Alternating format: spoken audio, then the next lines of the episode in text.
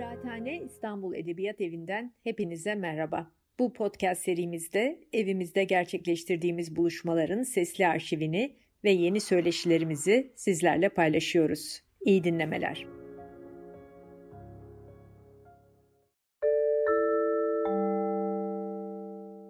Merhabalar. Ee, yaklaşık olarak bir 45 dakikalık e, bu söyleşide sizlerle uzun yıllardır yaşanan acıların son bulması için tüm belgelerde mutlak yasak olarak tanımlanmış olan işkence konusunu tartışmaya çalışacağım. Bu söyleşinin bir amacının işkence görenlerin insanların haklarını bir kez daha hatırlatmak ise de bir başka amacının da işkenceyle mücadelenin ve esas olarak da işkencesiz bir dünya gerçekleşebilir ütopyasının ancak ve ancak sizlerle birlikte bir başka deyişle toplumun en geniş katılımı ile mümkün olabileceğini birlikte hissetmemize katkı sağlamak olduğunu başından ifade etmeliyim. Her ne kadar bu söyleşide insan eliyle gerçekleşen en vahşi şiddet biçimlerinden birisi olan işkenceden bahsedeceksem de tüm kendini muktedir sananların kötücüklüklerine karşın işkencesiz bir dünyaya ulaşabilmenin son derece mümkün olduğunu yine bu söyleşinin en başında ifade etmeliyim. Zira insan eliyle gerçekleşen bir eylemden bahsediyorsak ki işkence doğrudan insan eliyle gerçekleşen bir eylemdir. İnsan eliyle gerçekleşen her durum kural olarak önlenebilir. Bu nedenle işte demin de ifade ettiğim gibi işkencesiz bir dünya son derece mümkündür. Bugüne kadar ki her düzeydeki ve hepimizin çok değerli çabalarına karşın işkenceyi henüz önleyememiş olmamız bundan sonra önleyemeyeceğimiz anlamına gelmemektedir. İzninizle işkenceden bahsediyorsak gündelik hayatta sıklıkla bu kelime genel atıf yapılabiliyor. O ya da bu olaylara ama izninizle bu işkencenin e, bunca yıllık birikimin üstüne e, bir tanımını e, bu söyleşinin en başında birlikte bir gözden geçirmemizin yararlı olacağını düşünüyorum ki temel referansımız doğal olarak Birleşmiş Milletler'in işkence ve diğer zalimane insanlık dışı ya da aşağılayıcı muamele ve cezaya karşı sözleşme diye uzun bir adı var bunun. Ama özet olarak Birleşmiş Milletler'in işkenceye karşı sözleşmesi diye anılır bu. Sözleşmedeki tanımlardan e, yola çıkalım. Öncelikle şunu söylemek istiyorum. İnsan haklarıyla insandır. Çok basit, totolojik bir yaklaşım gibi bir şey değil mi? İnsan haklarıyla insandır. Ya da bir başka deyişle insan aslında hak taşıyıcı bir öznedir. O haklar bütündür. Bunları biz gündelik hayatta bir soyutlama düzeyinde zaman zaman ayırıyoruz. Diyoruz ki ifade özgürlüğü, örgütlenme özgürlüğü, e, barışçıl toplantı ve gösteri özgürlüğü ve benzeri gibi e, başlıklara ayırabiliyoruz. Ama bir bütün olarak aslında insana baktığımız zaman göreceğimiz şey bütün bu insan e, hakları bir bütündür. Birbiriyle içkindir. Bir an için bunu e, göz ardı etmeden bu çeşitli kategorilere ayırdığımız soyutlama düzeyinde haklar manzumesinde kimi haklar şu ya da bu meşru gerekçelerle özünden, özünden ama herhangi bir şekilde e, bir e, özüne dokunmamak kaydıyla belli bir kısıtlılık söz konusu olabilir. Bir takım haklarda. Ama bakın bu haklar manzumesi içerisinde kimi haklar var ki başında işkence gelir? Hiçbir istisnası yoktur. Hiçbir koşul, koşulda bu işkence mutlak yasağına dokunulamaz. Burada bir sınırlama getirilemez. Yani bir barış ortamı ya da savaş ortamı her durum için geçerlidir. Şöyle daha tahrik edici bir şekilde ifade etmek gerekirse sizin için dünyanın en kötü insanı olabilir birileri. Ama ona işkence uygulama e, en ufak bir şekilde hakkınız yoktur. Bütün bu ortamlar için işte neden bu mutlak yasak bu şekilde ifade edilmiştir? Birincisi her bir insanın aslında acısı olağanüstü, olağanüstü e, önemli bir husustur. Karşılaştırılamaz açılar. Ama bunun yanı sıra da insanlık onurunun korunmasıyla doğrudan ilgilidir bu işkence meselesi. İnsanlık ailesinin ortak kazanımıdır bu. Modern insan hakları hukukunun en temel kurallarından biridir bu mutlak yasak, buyruk kural diye nitelenilebilecek, nitelendirebileceğimiz, üstün kural diye nitelendirebileceğimiz bir durum. Ee, ama ne yazık ki hal böyle iken sadece ülkemizde değil, bütün dünyada ne yazık ki hemen sizlerin e, gündelik hayatta defalarca deneyimlediğiniz ve farkında olduğunuz gibi o meşhur teröre karşı savaş ve benzeri ve benzeri uygulamalarla e, söylemler adı altında ya da güvenlik mi insan hakları mı? Güvenlikle insan hakları eşit düzeyde ele alan son derece yanlıştır bu. Her insana ait her durum insan hakları merkezde olmak durumundadır. Güvenlik meseleleri de insan haklarına e, dayalı olmak durumundadır. Bunlar eş düzeyde kavramlar değil.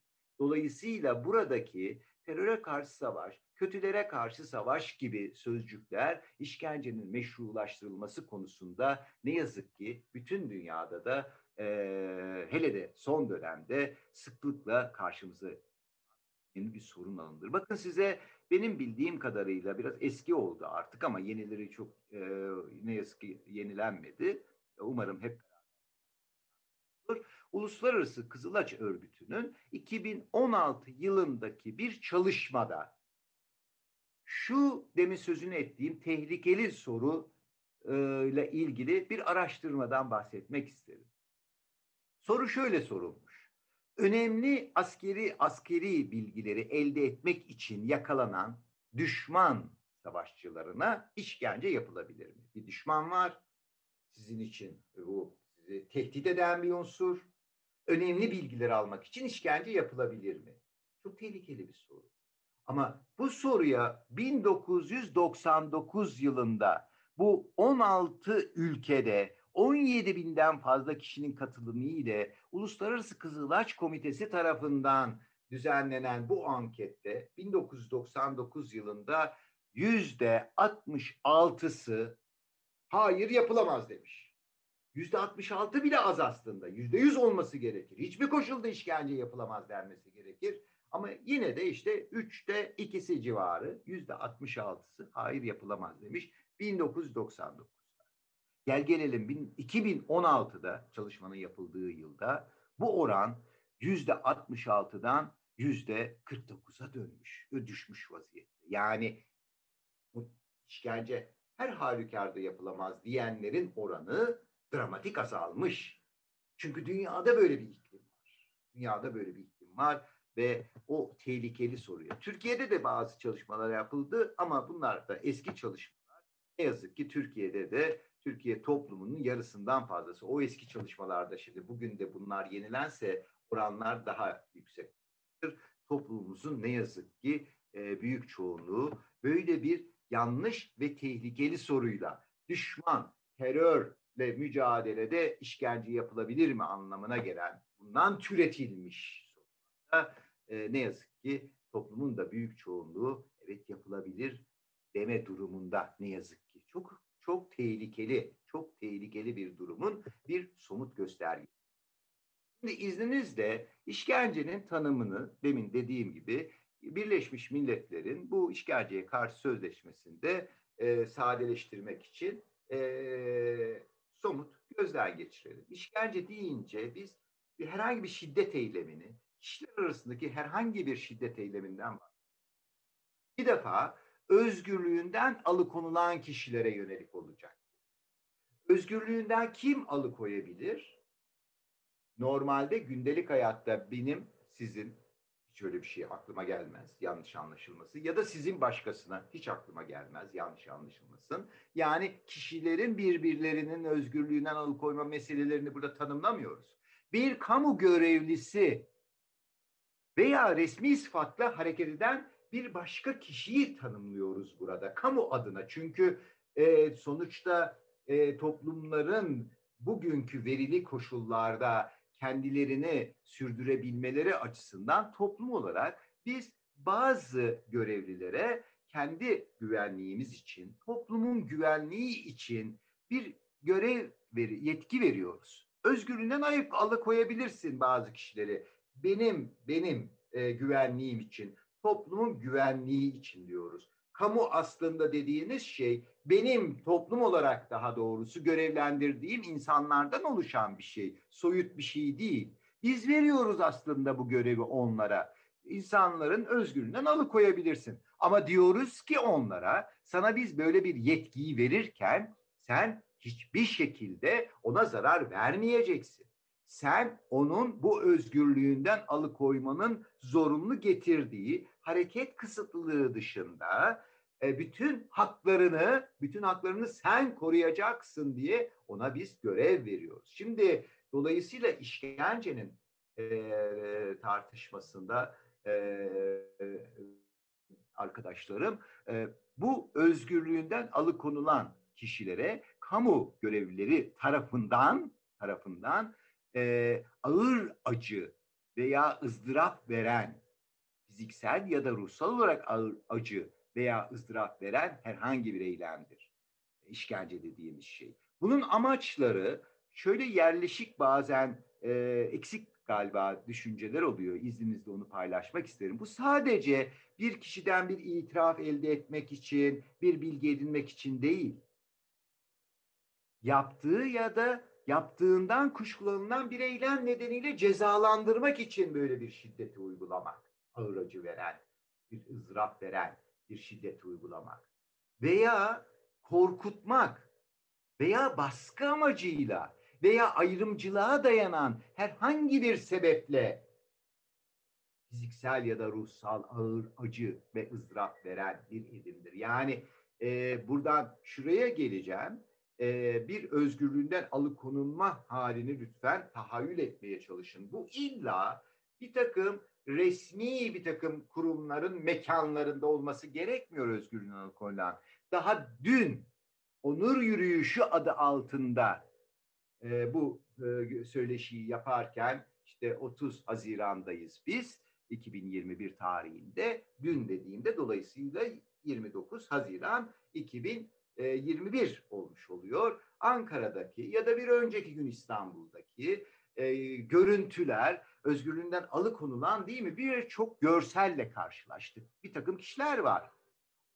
Bir, bu özgürlüğünden alıkoyma meselesi zaten e, esas olarak son derece hukuk dışı bir şekilde uygulanıyor. Onu bir yana koyuyorum. Aman yanlış anlaşılmasın. Ama buradaki şiddet kamu görevlileri tarafından uygulanan şiddet doğrudan sokakta dolayısıyla resmi bir mekanda olmayan şiddetin bizatihi kendisi de işkence düzeyine ulaşan bir e, şiddettir. E, bu işkence tanımını lütfen bütün bu söyleşimiz içerisinde akılda tutmamızda yarar var. E, işkencenin amacı bu bakımdan bir yandan bir kişinin benlik saygısını tahrip etmek gibi çok somut, çok özgül bir amacı var iken öbür taraftan da toplumu baskı altına almak, toplumu suskunlaştırmak gibi de bir başka amacı söz konusudur işkence meselesinde. Sadece o kişiyle ilgili değil, onunla bir bütün topluma mesaj vermek. Toplumu bu bakımdan baskı altına almak, toplumu e, bir tür e, bir zor, topluma yönelik de bir zorun e, önemli ne yazık ki unsurlarından bir tanesidir. Şimdi bu işkencenin nedenleri hakikaten çok geniş bir sohbet konusu olabilir. Keşke bir gün e, yüz yüze de görüşme imkanlarımız olsa ve bu söyleşiyi dinleme e, fırsatını, olanağını yakalayan sizlerle yüz yüze tartışarak zenginleştirsek pek çok nedenleri içerisinde tabii ki tarihsel, kültürel, psikolojik, politik bir dizi e, nedenler manzumesi söyleyebiliriz ve bunlar tabii birbiriyle de ilişkili, birbiriyle de ilişkili ama temel zemini ötekilere yönelik ayrımcılık. Zaten bu şiddetin dinamiğinde çok temel bir unsurdur. Ötekilere yönelik ayrımcılık meselesi. Şiddetin dinamiğinde de bu var. Yani nereden kaynaklanıyor? İşkence de bunun çok özgül bir örneğini teşkil eder.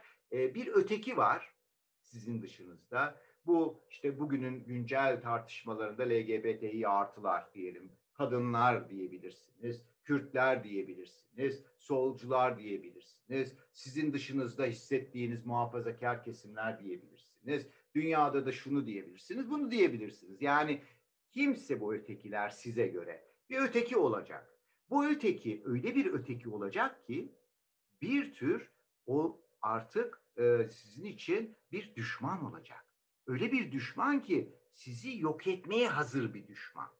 Şimdi böyle bir dizgiyi kurduktan sonra öyle bir dizgi sizin için bir tehdit bu diye kendinizi kendince meşrulaştıracaksınız ki meşrulaştıramazsınız.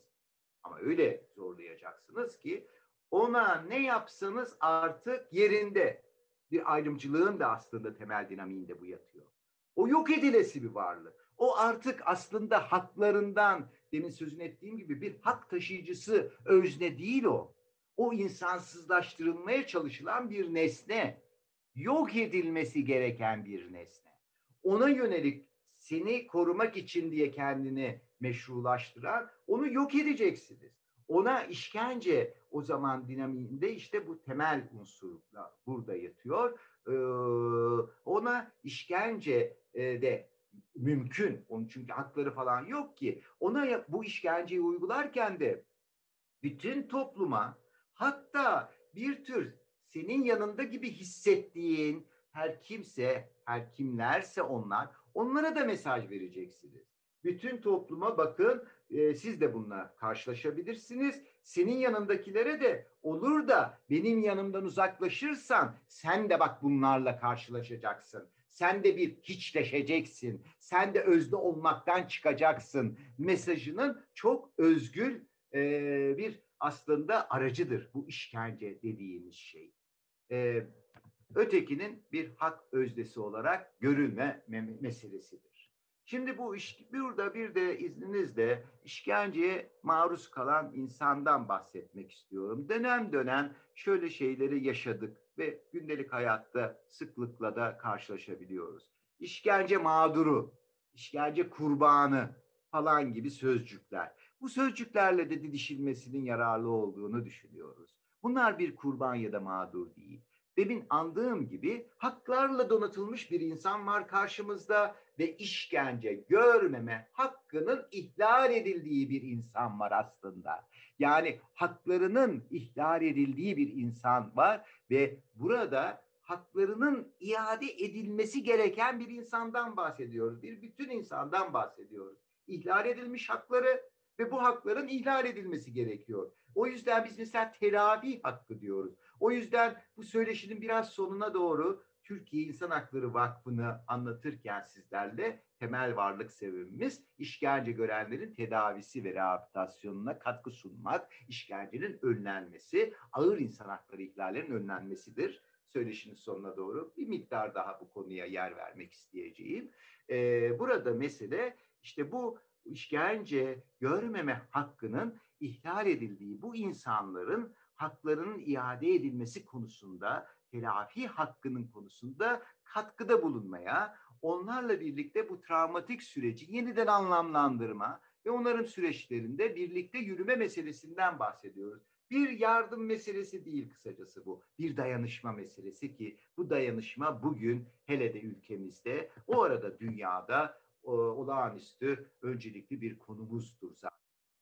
Onarım hakkı deyince bir bütünlüğü yine burada ifade etmek gerekiyor. Nedir bu onarım hakkı dediğiniz şey?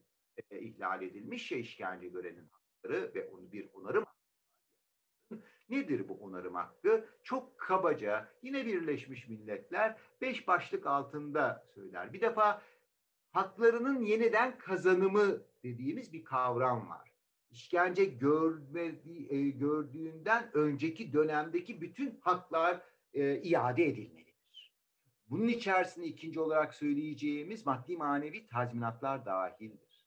Bunun içerisinde üçüncü olarak söyleyeceğimiz her türlü rehabilitasyon e, katkısı e, dahildir. E, e, tatmin ve hakikati bilme hakkı dediğimiz tatmin ve hakikati bilme hakkı. Neden bu benim başıma geldi? Neden? Bunun sorumluları kim? Bu sorumlular cezalandırılıyor mu? Yani adalet duygusu tesis ediliyor mu? Bu, bu bunların sağlanmasını içerir onarım hakkı dediğimiz ve daha en önemlisi de beşinci olarak söyleyeceğimiz bir daha tekrarlanmayacağının garantisini sağlanabileceği bir ortamı sağlamak gerekir. Bir bütündür onarım hakkı. E, bu beş başlık altında toparlayabileceğimiz. E, ve bunlar birbirine de içkindir. Hani bir teknik meseleden bahsetmiyoruz demek istiyorum. Bir tıbbi bir rehabilitasyon ruhumuzun ya da kolumuzun incindiği pozisyondaki çok önemlidir. Biz bunları yapmaya çalışıyoruz. Türkiye İnsan Hakları Vakfı tarafından olağanüstü kıymetlidir. Ama bununla sınırlı değil ya da bir dava açıyoruz arkadaşlarımızla birlikte, çok değerli hukukçu arkadaşlarımızla birlikte, kurumlarıyla birlikte e, o hukuki süreçte işgalcilerin ceza alması için olağanüstü çaba gösteriyoruz ama onunla da sınırlıdır. Bir bütün bunlar gerçekten ve e, hepimizin toplum olarak hepimizin bu söyleşiyi izleme imkanı olan e, veya bundan sonra olacak olan her birimizin e, bu konuda katkılarıyla gerçekleşebilecek bir hadise. E, bu noktadan sonra bir miktar bugünün Türkiye'sinde aslında hepinizin şu anda bu söyleşiyi izleme imkanı olan bütün insanların inanıyorum ki tanık olduğu, belki bir kısmınızın ne yazık ki maruz kaldığı bir gündelik sıradan bir uygulamaya dönüştürülmeye çalışılıyor işkence ve diğer kötü muamele uygulamaları bizim ülke tarihimizde ne yazık ki bu öteden beri sistematik bir devlet pratiği olarak varlığını koruyan bir şey. Ama içinde bulunduğumuz koşulda ekonomiden toplum sağlığına kadar ülkenin tüm meselelerini bir güvenlik sorunu haline getiren mevcut siyasal iktidarın her geçen gün daha da artan baskı ve kontrola dayalı yönetme tarzı sonucu günümüzde öyle ifade ediyoruz daha dört gün önce işkence görenlerle dayanışma günü nedeniyle İnsan Hakları Derneği ve Türkiye İnsan Hakları Vakfı olarak açıkladığımız e, e, kısa raporumuz ve açıklamamızda da yer verdiğimiz gibi tüm ülke adeta bir işkence mekanı haline gelmiştir. Bakın kabaca rakamlar vermek gerekirse tabii bunlar gerçekten daha titiz bilimsel çalışmalarla ortaya konulabilir rakamlar olacaktır. 1980'de bu ülkede e, şu anda bu söyleşiyi izleyenlerin önemli bir kısmını sanıyorum e, doğal olarak henüz daha e, bu güzelim hayatımıza e, henüz daha gelmediği, aramıza katılmadığı dönem 1980. E, bir yıl önce bu ülkede bir askeri faşist darbe oldu 12 Eylül'de. Onun hemen akabinde yüz binlerce insan ne yazık ki e, belki izleyicilerimiz, şu söyleşiyi izleyenlerin bir kısmı dahil olmak üzere işkenceye maruz kaldılar. O günden bugüne e, hakikaten sayılar milyonlar mertebesinde insan işkenceye maruz kaldı bu ülkede. İnanılmaz bir şey. Milyonlardan bahsediyoruz her halükarda. E, bu ne demek biliyor musunuz arkadaşlar? Bu e, yaklaşık olarak neredeyse işte 20 aileden daha az bir aile doğrudan işkenceden etkilenmiş falan demek. Ben bir sağlıkçıyım, hekimim. Buna biz kendi alanımızdan türettiğimiz bir kavram. Bu işkence aynı zamanda bir halk sağlığı sorunudur. Çok özgül programlar gerekir bu işkenceyle baş etmek için. Çok özgül programlar gerekir. Biz Türkiye İnsan Hakları Vakfı olarak milyondan bahsederken 1990'da kurulduk. Bugüne kadar 19.352 31 Mayıs 2021 tarihi itibariyle 19.352 işkence gören insana katkı sağlama olanağını yarattık. Bakınca böyle milyonlar 19.352 küçücük diyebilirsiniz rakamı oran olarak. Ama aynı zamanda her biri çok önemli. Her biri için o dünyada birlikte yürümenin, bir tür vakıf aynı zamanda toplum adına bir özür dileme e, ortamıdır. İşkence görenlerden toplum adına bir özür dileme ve ondan sonra birlikte yürüme, bir dayanışma ortamıdır. Yanı sıra da özel olarak tıbbın merkezinde olduğu o rehabilitasyon sürecine katkı sağlama ortamıdır. Her biri için ama tabii ki çok kıymetli olduğu. İşkence de e, Türkiye'deki işkence durumuna ilişkin siz değerli e, izleyici arkadaşlarımızın e, gözlemleri, tanıklıkları e, korkarım ki kimileri tarafından maruz kalma hallerinin ötesinde bütün bunlar uluslararası Türkiye'nin üyesi olduğu uluslararası mekanizmaların raporlarına yansımış. Türkiye'nin üyesi olduğu Birleşmiş Milletler'in e, bütün ülkeler için yaptığı bu e, işkenceye karşı komitenin e, dönemsel raporları en son Türkiye için 2016 idi.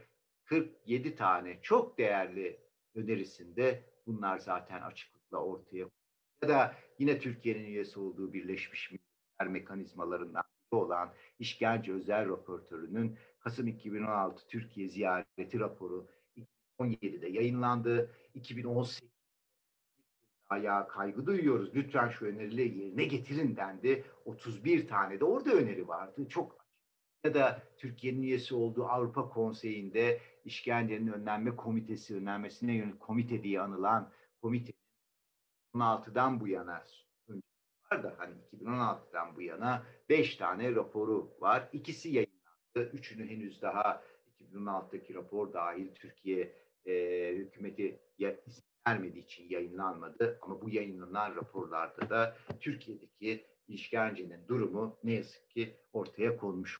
Evet, işkencenin durumuna ilişkin dört başlık altında izninizle bir e, hızlı görüşü bir, resmi gözaltı merkezlerinde bütün çalışmalarımız gösteriyor. Bizim çalışmalarımız, tanıklıklar, e, bir takım e, açılabildiği kadarıyla e, işte o soruşturma süreçlerinde, dava dosyalarında ya da soruşturma açılmasında yer alan e, belgeler ya da Türkiye İnsan Hakları Vakfı'na doğrudan tedavi için başvuranların öykülerinde isim vermeyiz biz kural olarak ama oradan çıkardığımız ve tedavi merkezleri raporu Geçen de 2020 raporunu yayınladık. O raporda yer alan bulgular resmi gözaltı merkezlerinde zaman zaman hatta bütün topluma da mesaj vermek için emniyet birimlerinin içinden değil mi görüyoruz bir takım görsel yayın organlarında böyle bir takım görsel ne yazık ki fotoğraflar yayınlanıyor. Orada da gördüğümüz gibi resmi gözaltı merkezlerinde de bu işkence uygulanıyor. Resmi olmayan gözaltı merkezleri gibi ülke genel olarak bir işkence mekanı. Yani onu söylüyoruz. Yani bir köpekle işte gözaltı e, evde gözaltı yapma e, süreçlerinde köpeğin kullanımı e, ya da sokakta barışçıl protesto, protesto, gösterilerine katılanların o görüyoruz değil mi? O yerlere yatırılıyor ters kelepçe. Ters kelepçe her halükarda işkencedir nokta. Hiç uzatmaya gerek yok. Bu tıp ben yaptığımız bilimsel çalışmalarda da konmuştur. Onun acı veren yanı yaptığımız kongrelerde yayınladığımız bilimsel çalışmalarda da o sıradan bir şey değil. E, o yerlere yatırılmış ters kelepçelerle falan. Ya da geçenlerde bir örnek olarak söyleyeyim hani caminin içinde öyle yazı görsel olarak yine e, te, kimi televizyon e, ya da e, yazılı basın organlarında e, yer verilmişti fotoğrafları e, bildiğiniz gibi caminin içinde böyle köşede kıstırılmış insanlara şu göz yaşartıcı gaz falan diyorlar. Onlar kimyasal ajanlardan üretilmiş silahtır onlar. Onların bu şekilde kullanımı işkence ve diğer kötü muamele kullanımına aslında düzeyine ulaşan uygulamalardır. Sonuç resmi olmayan gözaltı yerlerinde, açık alanda, polis araçlarında, kayıt dışı e, aşamada gözaltı yerlerinde, toplam olarak bütün bu resmi olmayan e, gözaltı yerlerinde yazık uygulanıyor. Bu konu, bu konu çok e, şu açıdan önemli. Biz 2000'lerden itibaren bunu tartışa gelirdik ve bir tür dünyada da tartışa gelirdik. E, bir tür önce kolay anlaşılmadı ama sonra 2013 yılında Aralık'ta Birleşmiş Milletler Genel Kurulu bir e, bir karar e, bir karar resolution bir karar e, belgesi çıkardı ve e, dünyanın tüm bölgelerinde barışçıl toplanma ve ifade özgürlüğü haklarını kullanan kişilere yönelik işkence ve diğer zalimane insanlık dışı ve aşağılayıcı muamele ve cezalara varan bütün uygulamalara dair son derece endişe içerisindeyiz dedi. Genel kurul dedi. Daha sonra insan hakları, Avrupa İnsan Hakları Mahkemesi Türkiye'nin üyesi olduğu e, Avrupa Konseyi'nin organı biliyorsunuz. 2015'ten itibaren bu tür barışçıl gösterilerdeki bu tür e, şiddet eylemlerine kolluk kuvvetleri tarafından işkence olarak tanımladı ve kararlarını 2015'ten itibaren mükerrer kararlar aldı. En son 2017 yılında 20 Temmuz'da Birleşmiş Milletler İşkence Özel Raportörü çok güzel bir tanım yaptı. Özellikle barışçıl gösterilerde belirli bir amaç doğrultusunda kaçma imkanı olmayan, çaresiz bir kişiye yönelik acı veya ızdırap yaratma amaçlı kasti zor kullanımı her zaman işkence olarak kabul edilecektir dedi nokta. Barışçıl gösteriler için söylüyorum.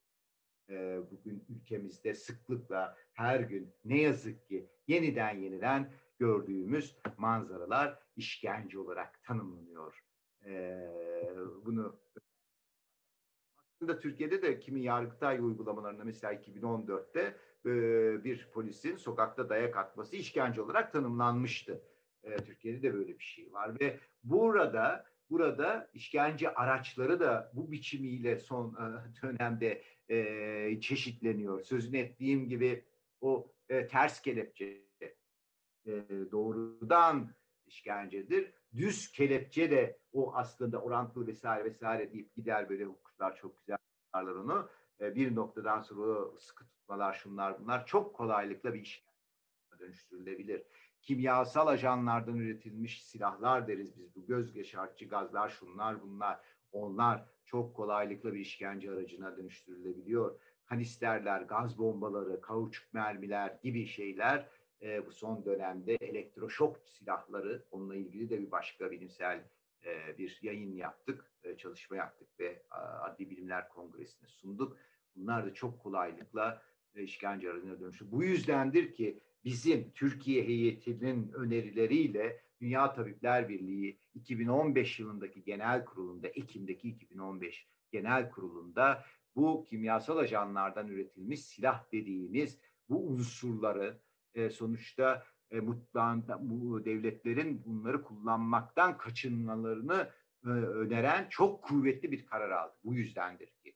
Bu yüzdendir ki Avrupa Parlamentosu 2019 yılında doğrudan bu uygulamalara, bu silahların kullanımını e, bu göz yaşartıcı gazlar şunları bunları kastediyorum. Doğrudan kınayan başka kararlar. Demek ki resmi gözaltı yerleri, resmi olmayan gözaltı yerlerinin yanı sıra son dönemin karakteristik başka bir özelliği işkence bağlamında zorla kaçırma konuları. Yine Türkiye'nin üyesi olduğu Birleşmiş Milletler Kayıplar Çalışma Grubu en son sayfalarından izlenebileceği gibi e, bu e, en son çalışma dönemi e, yeni dönem yayınlanmadığı için 2019-2020 Mayıs Türkiye'de 7 yeni kayıp vakası tespit etti. Bu neden önemli? Birleşmiş Milletler'in bu çalışma grubu 1990'larda 90'ların e, belli bir dönemine kadar özellikle Türkiye'nin çok acı bir dönemidir ve zorla kaybetmelerin çok yoğun yaşandığı bir dönemdir. Ondan sonra 2000'ler döneminde önemli ölçüde zorla kayıplar bir şekilde gündemden çekilmişti. Ama 2016'dan sonra özellikle 2016'dan sonra bu e, zorla kayıplar bu ülkenin ne yazık ki e, tekrar gündemine geldi. Uygarlığın kara deliğidir zorla kayıplar. Ben muktedirim mesajını verebilecek en en gayri insani noktadır zorla kayıplar. Ve bugün itibariyle Türkiye'de örneğin Ağustos 2019'dan beri yani 22 ay geçmesine rağmen bir kişinin akıbeti bilinmemektedir. 22 ay. Diğer bir kişinin 29 Aralık 2020'den bu yana 6 ay geçmesine rağmen akıbeti bilinmemektedir. 2019 ee, yılında özellikle zorla kaybedilen işte e, 4 kişi daha sonra bir şekilde emniyette bulunmuş oldular. Bunlardan iki tanesi mahkemede gördükleri bu dönem içerisindeki işkenceyi mahkeme kayıtlarına geçirdi. Anlattılar, başına gelenleri anlattılar. Ee, bunun dışında bir de günlük olarak böyle zorla kaçırma girişimleri ve e, bir tür ajanlaştırma girişimlerini yine çeşitli yayın organlarından izliyoruz ya da bu kişiler insan hakları kurumlarına başvurarak başlarından geçenleri aktarıyorlar. Bunların hepsinin hakkında çok etkin soruşturmalar derhal başlaması gerekir. Ama Türkiye ne yazık ki zorla Birleşmiş Milletler'in zorla kaybetmelerine ilişkin sözleşmeyi henüz daha imzalayıp onaylamamış durumda. Çünkü bunun imzalanıp onaylandığında bütün bunlara ne kadar etkin bir e, soruşturma sürecinin e, bir e, sorumluluk olarak, yükümlülük olarak geleceği ortaya çıkıyor. Derhal bunların sağlanması gerekiyor. Dördüncü unsur e, bu e, işkencelerle ilgili ne yazık ki cezaevleri meselesi. Bakın cezaevleri meselesinde şöyle bir öykü değil mi? Sizler de fark etmiş olabilirsiniz. 2005 yılında bu ülkede cezaevlerinde toplam yaklaşık 55 bin insan vardı. 55 bin insan vardı. Sonra bugün itibariyle Mayıs sonu itibariyle bu ülkede 283 bin 481 insan var. Adalet Bakanlığı'nın verileri bunlar. 183.481. Yani bir ülke düşünün lütfen. 2005'ten 2021 bir 15 yıl, 16 yıl içerisinde cezaevi nüfusu yaklaşık olarak, yaklaşık olarak söylüyorum tabii ki 5 e, mislinden fazla artıyor. Nasıl bir şey? Bu bütün aslında Türkiye'deki toplumsal e, hayatımızın gidişatına ilişkin gösterge. Bunun arkasında ne gibi sebepler var? Hakikaten hep birlikte multidisipliner olarak sosyologlar ve psikologlar, şunlar bunlar hep beraber insanlar olarak daha doğrusu kafa yormalıyız. Ne olmuş da bu beş kat artıyor ya? Kaldı ki bu rakamın içerisinde geçen sene 2020 Nisan'ında bir özel düzenleme yapıldı. Kimi cezaların ertelenmesi, izin sistemi falan getirildi. E, yaklaşık olarak rakam tam bilinmiyor e, ne yazık ki ama ara cümlelerden anlıyoruz ki 90 bine yakın insan da salındı. Yani 90 bin olmasa da şu kadar bin insan salındı. E, bu kadar insan salınmasına rağmen bugün itibariyle 283 bine çıkmış 55 bin 2005'teki rakam. Şimdi bu kendi başına kendi başına e, bir sorun. E, bir de lütfen her yıl bu ülkede Türkiye İstatistik Kurumu'nun verilerine göre söylüyorum. En son onlar 2019 verilerini açıkladılar. Yaklaşık bir o kadar insan yani 290 bine yakın insan e, giriyor cezaevine 290 bin kadar insan çıkıyor cezaevinden. Her yıl bir o kadar insan da giriyor çıkıyor. Peki hale bakın yani 283 bin insan var içeride. Bir o kadar neredeyse her yıl giriyor, her yıl çatış çıkıyor. Müthiş. Müthiş. Şimdi böyle bir ortamda e, bütün e, evrensel belgelerde ve Türkiye'deki yasal mevzuatlarda da aslında aşikar bir takım düzenlemeler var e, insanlara özgürlüğünden demin dediğim gibi toplum olarak biz yetki veriyoruz. Kimi birimlere alıkoyabilirsin bu insanlara ve kapatabilirsin deyim yerindeyse. Ama onların bu hareket özgürlüğü dışındaki bütün haklarını korumak zorundasın. Ne demek bu?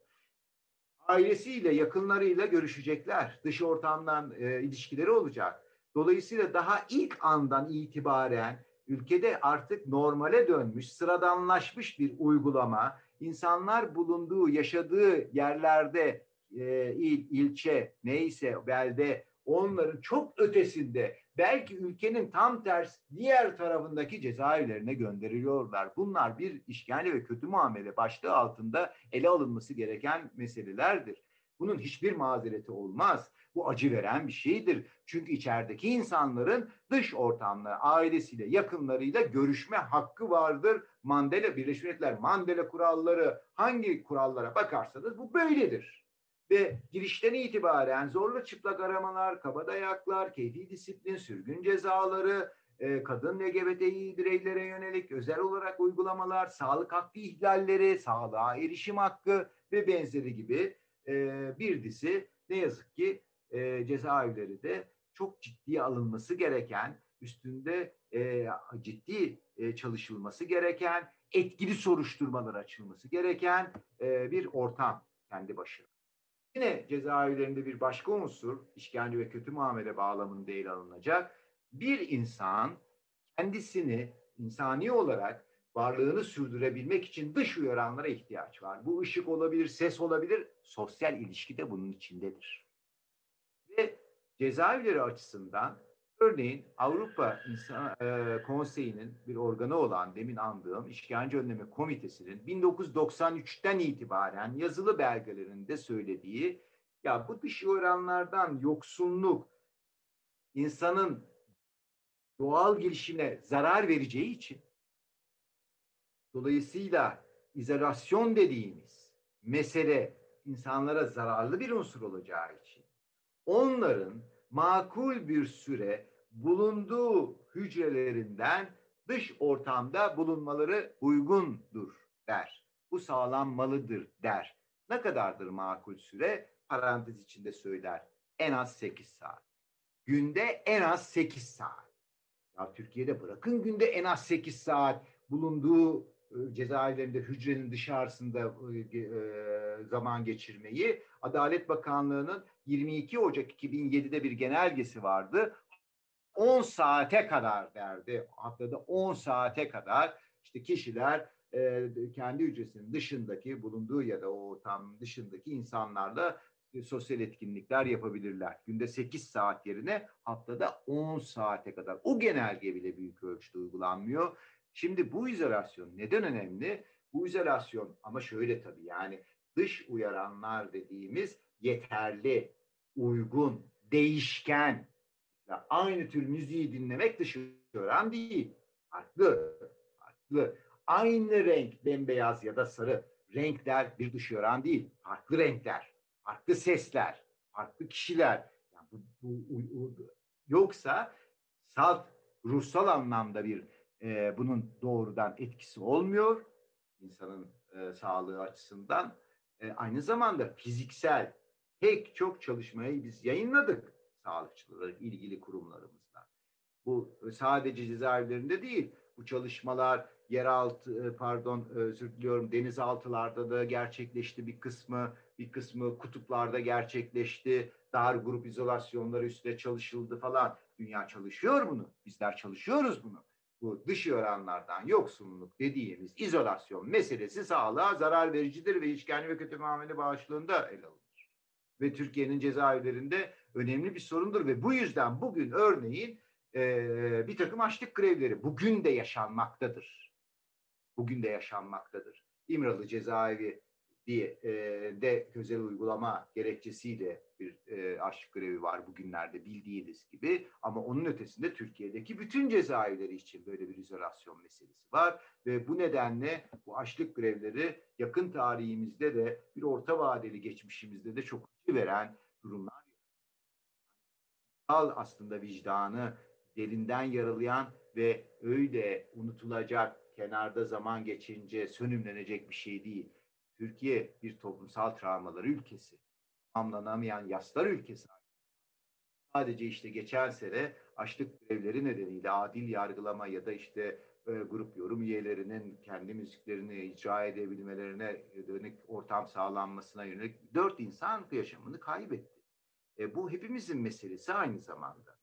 E, ve hapishanelerle ilgili özel olarak bir de tabii bir pandemi döneminde yaşıyor e, pandemi dünyada bir salgın, küresel bir salgın demek.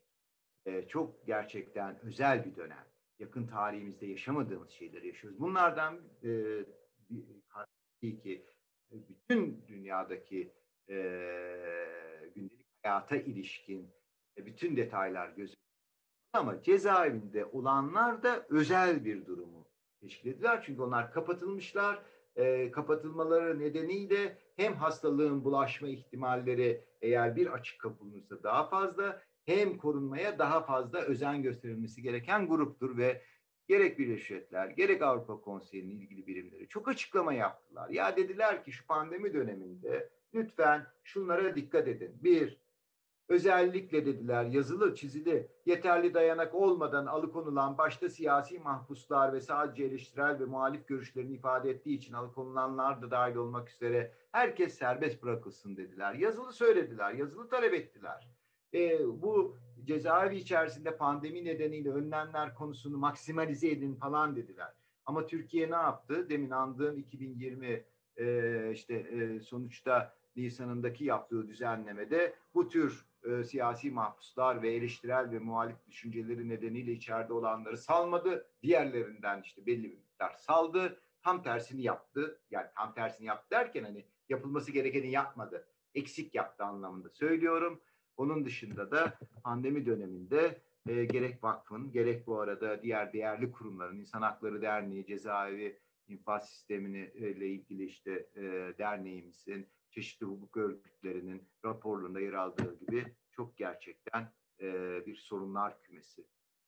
Şimdi bütün bu neden yaşanır bu ceza, e, işkence meselesi? Valla bunun temelinde bir cezasızlık kültürü çok önemlidir. Yani pek çok dedim dediğim gibi nedenleri var. Hepsiyle de gerekir söyleşinin başında andığım gibi ama bir cezasızlık kültürü de işkencenin sürmesi zaman içinde daha da hatta e, kuvvetli bir şekilde hissettirmesi son derece önemli.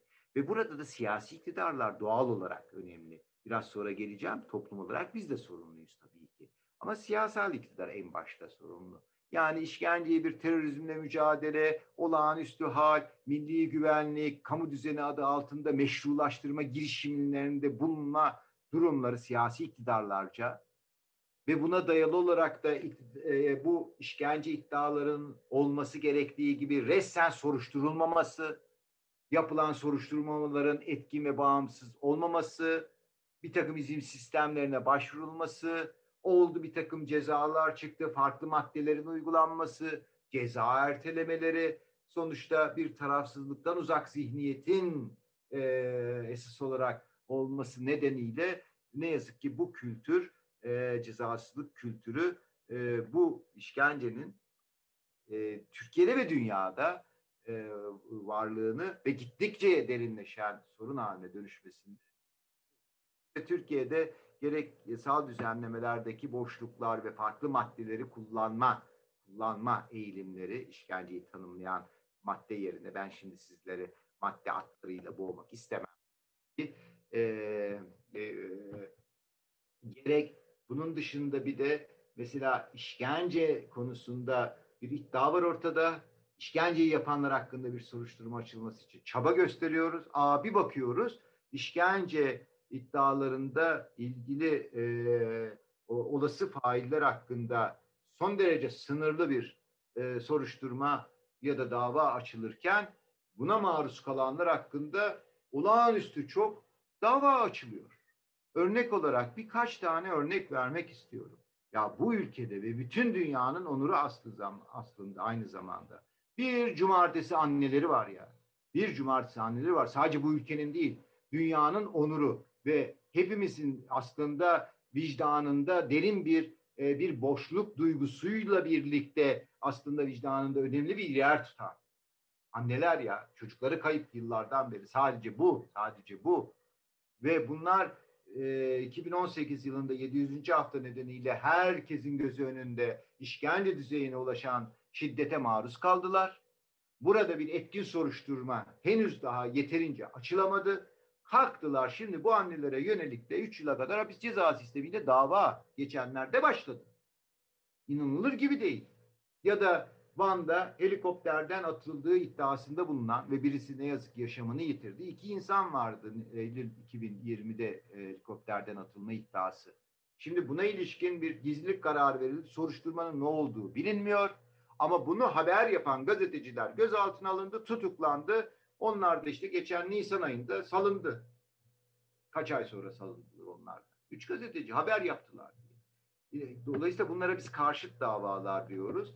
E, Adalet Bakanlığı'nın adli istatistik verilerine göre de en son 2019 yayınlanmış durumda bu boyutuyla işkence suçu nedeniyle ilgili madde kanunun 2019 yılında 97 tane insana kamu davası açılmış iken görevliye ama kamu görevlisine direnme suçunu oluşturan ilgili başka bir maddeden 265 o e, Türk Ceza Kanunu'nda 28.843 insan hakkında dava açılıyor. Yani 97 tane işkence iddiasında bulunan kişi hakkında dava açılıyor 97. Ama bu ortamlarda kamu görevlisine direnme suçu diye bir suç e, içine sıkıştırılarak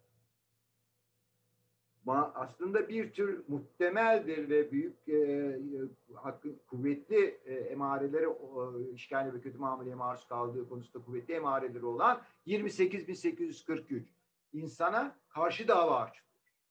300'den fazla. Karşı dava, karşı dava diyoruz biz buna. Bunu kullanıyorlar. Caydırmak için, şu için, bu Sizde e, bu cezasızlık meselesi önemli. Mevzuatımızda hakikaten bugün itibariyle bakıldığında e, sizler de biliyorsunuzdur. Gözaltı süresi işte şu suçlar bu suçlar deyip 12 güne kadar uzatılıyor. Kabul edilemeyecek bir süredir bu. Çünkü gözaltı süresi dediğiniz nedir? Derhal aslında yargıçın önüne çıkmak gerekir. Tanım budur derhal. Hani en fazla mücbir bir sebep olur. Hani daha uzaklarda bir yerde gözaltına belki alınmıştır da efendim yargıç önüne gelene kadar bir yol geçer. Zaten gözaltı süresi kavramı ka- yanlış bir kavramdır.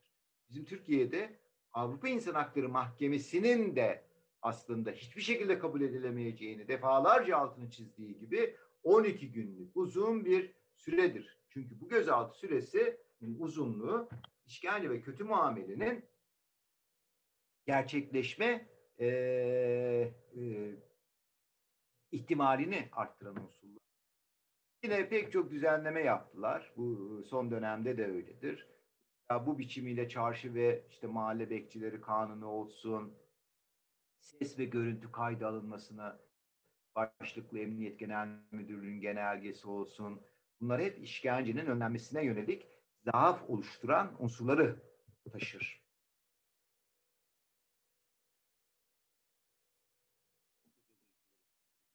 Aldım. Ee, evet. Şimdi devam edersek bu işkence meselelerinde önlenmesi konusunda Birleşmiş Milletler'in çok özel e, bir e, e, işkence önleme sözleşmesine ek bir sözleşmesi vardır. Yari protokol denir ona. Ulusal önleme mekanizmaları kurulmasını öngörüyor. Yani ulusal önleme mekanizmaları dediğimiz bu özgürlüğünden alıkonulan yerleri bağımsız heyetler tarafından e, ziyaretleri edilecek. Ve Türkiye'de bu bütün itirazlarımıza Birleşmiş Milletler'in bu ilgili, bu meseleyle ilgili alt komitesinin, üst komitesinin o arada önerilerine, diğer bütün kurumların önerilerine karşın bunlar göz önüne alınmadı. Türkiye İnsan Hakları ve Eşitlik Kurumu'na verildi. Ama bunun temel nedeni arkadaşlar, biraz sonra biraz daha değineceğim. Şimdi bir işkenceden bahsediyorsak olası fail devlet görevlileri, kamu görevlileri. İşkence tanımı gereği bu. Yani bu bir kötülük, kötülük düşündüğümüzden değil, devlet kötüdür falan filan tartışması değil bu. Çünkü insan haklarından bahsediyorsak e, herhangi diğer insanların arasındaki ilişkiler bir suçtur ve ilgili maddelerde tanımlanıyor. İnsan hakları dediğimiz şey buradaki sorumlu olan doğrudan devlet ve devlet görevlileridir. Tanımı gereği böyle bir şey. İşkence tanımı nasıl kamu görevlisi diyorsak zaten bir işkence gerçekleşmişse kamu görevlisi. Kamu görevlisi de yoksa ortada işkenceden bahsetmiyorsunuz zaten. Başka bir şiddet eylemi o. Şimdi olası fail devlet. Kamu görevlileri. Peki e, burada ulusal önlem mekanizması o fikriyattan çıktığı için söylüyorum.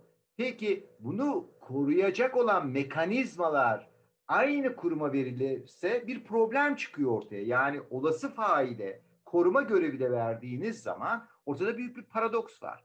İşte bu yüzden Birleşmiş Milletler uzun yıllar tartışmaları sonucunda bir alan açıyorlar. Bir ara alan bu.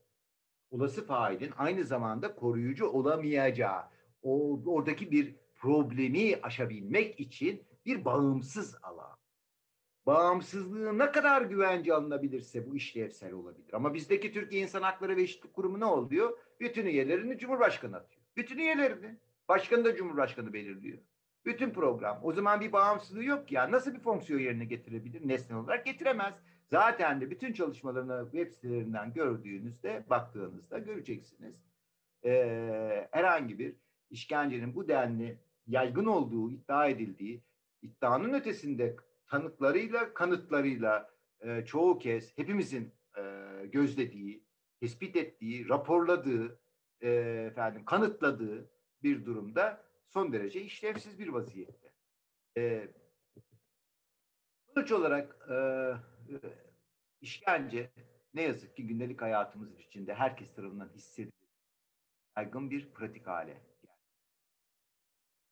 e, bu işkenceyi sıradanlaştıran zihniyetin, uygulamaların, yasal güven düzenlemelerin o hal sonrası da olağanüstü hal dışı uygulama kalıcılaştırıldığı bir nevi bir fiili o hal sürecinde hakların kullanımının bir istisna ihlallerin ise kurala dönüştüğü, sivil ve kamusal alanın neredeyse bütünüyle kapatıldığı, değerler ve normların önemli ölçüde tahrip olduğu ama en önemlisi insan haklarına dayalı rejim fikrinin terk edilmekte olduğu.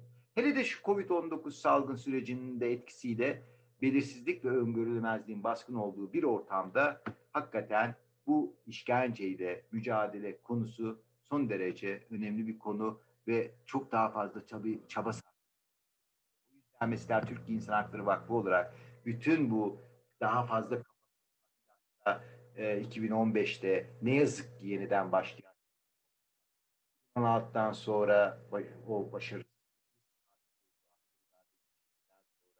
ilan edilen o biçimiyle ilan edilen olağan dışı o hal e, rejimi ve sonra da fiili o hal rejimi içerisinde daha da daraltılan e, efendim süreçte sivil alanların e, bizler elimizden geldiğince e, bir savunma yaklaşımı içinde değil de tam tersine çalışmalarımızı nicelik olarak, nitelik ve nitelik olarak da daha da kuvvetlendirmeye yönelik ama en önemlisi insan haklarının kurucu rolünü yeniden öne çıkaran bir yaklaşımla önemli ölçüde kapatılmış olan sivil ve kamusal alanın genişletilmesi, dahası yeniden inşasına yönelik çalışmalarımızı kuvvetlendirilmeye yönelik, ulusal ve uluslararası ortamda dayanışma ve işbirliğinin geliştirilmesi ve güçlendirilmesine yönelik e, çaba göstermeye çalışıyoruz. Ve Türkiye İnsan Hakları Vakfı da buna dayalı pek çok program. E, bu noktada işkencenin önlenmesi konusunda e, şunları söylemek istiyorum. Tabii ki işkencenin varlığından da önlenmesinden de bütün insan haklarında olduğu gibi o yüzden zaten bir rüşvetler insan devletlere hitap ediyor. Devletler bunu yerine getirmelidir. Siyasi iktidarlar sorumludur. Çok açık.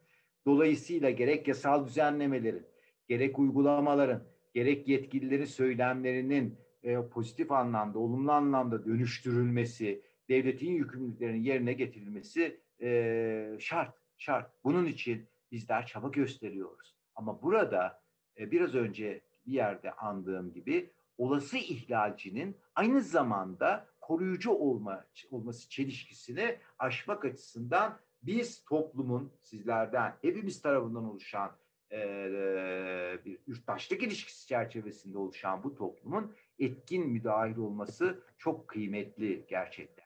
E, ve yine bu öyle bir şekli bir salt bir ahlaki bir mesele de değil.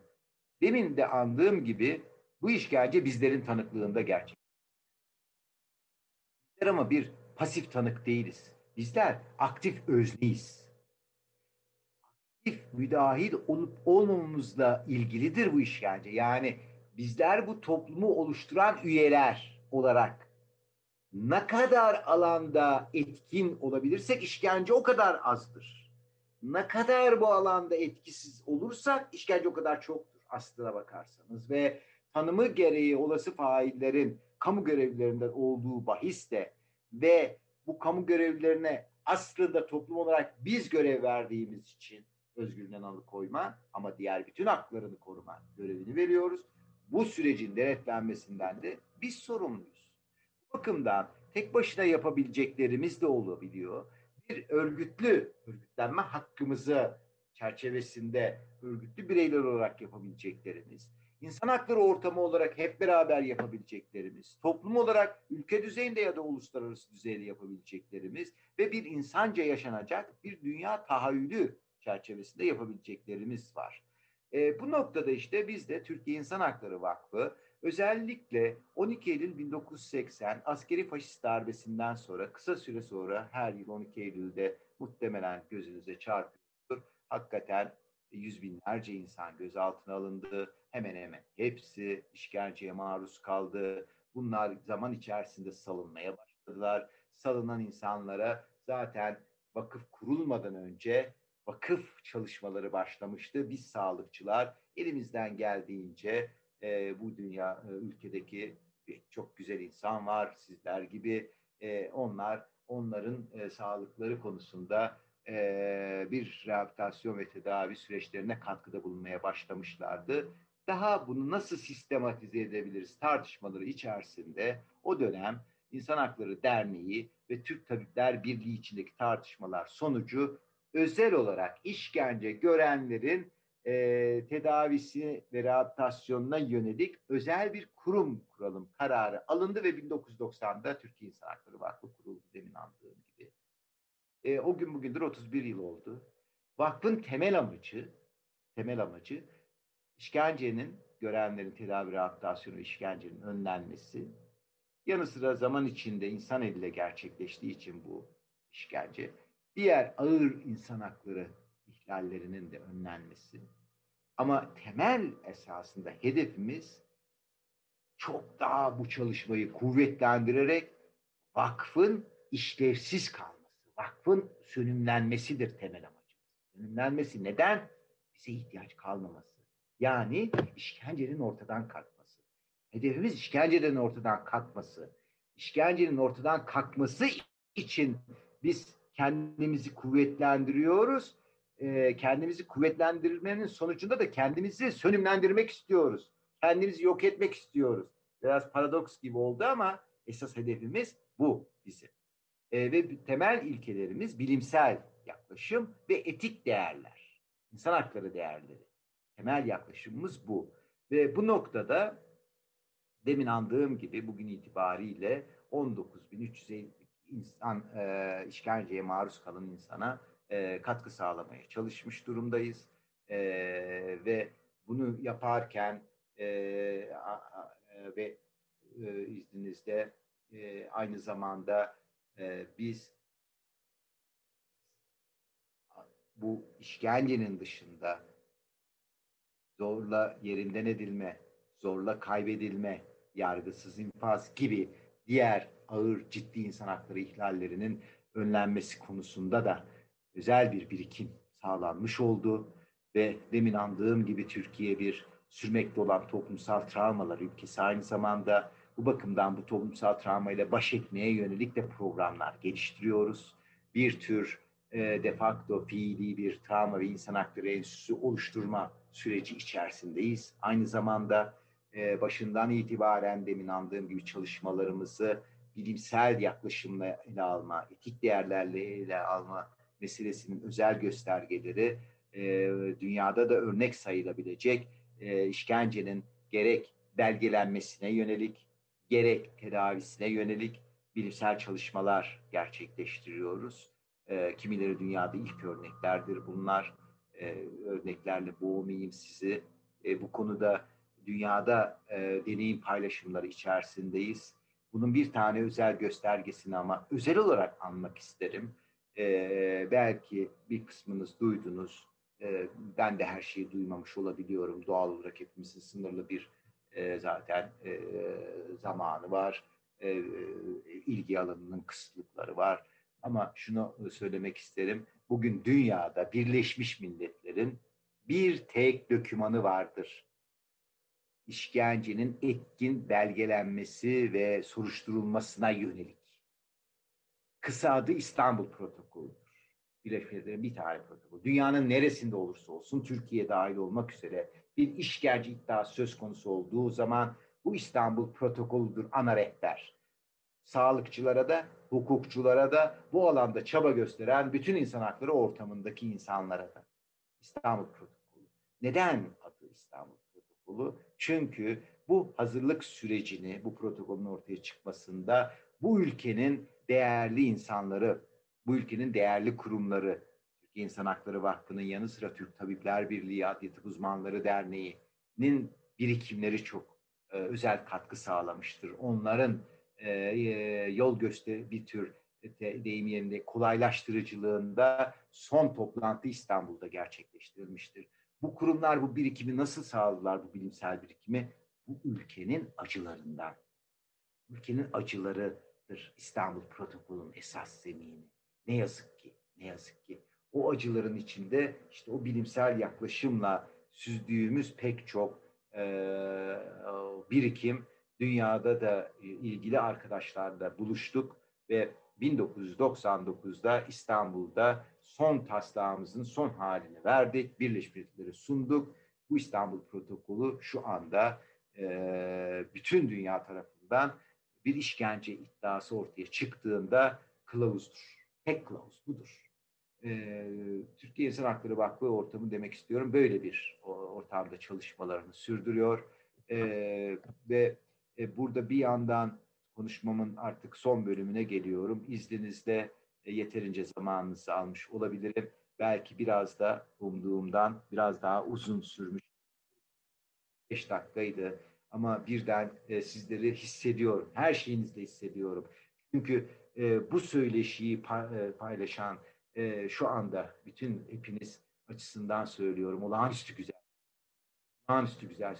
Bir yerlerde olağanüstü bir e, çaba gösteriyorsunuz. Belki öyle de ülkenin ve de dünyanın bu karanlık ortamında biraz zaman zaman kendimizi yalnız hissediyor olabiliriz. Özel olarak da şu pandemi koşullarında biraz da kendimizi belki yalnız hissediyor olabiliriz ama hatırlatmak isterim ki inanın ki yalnız değiliz.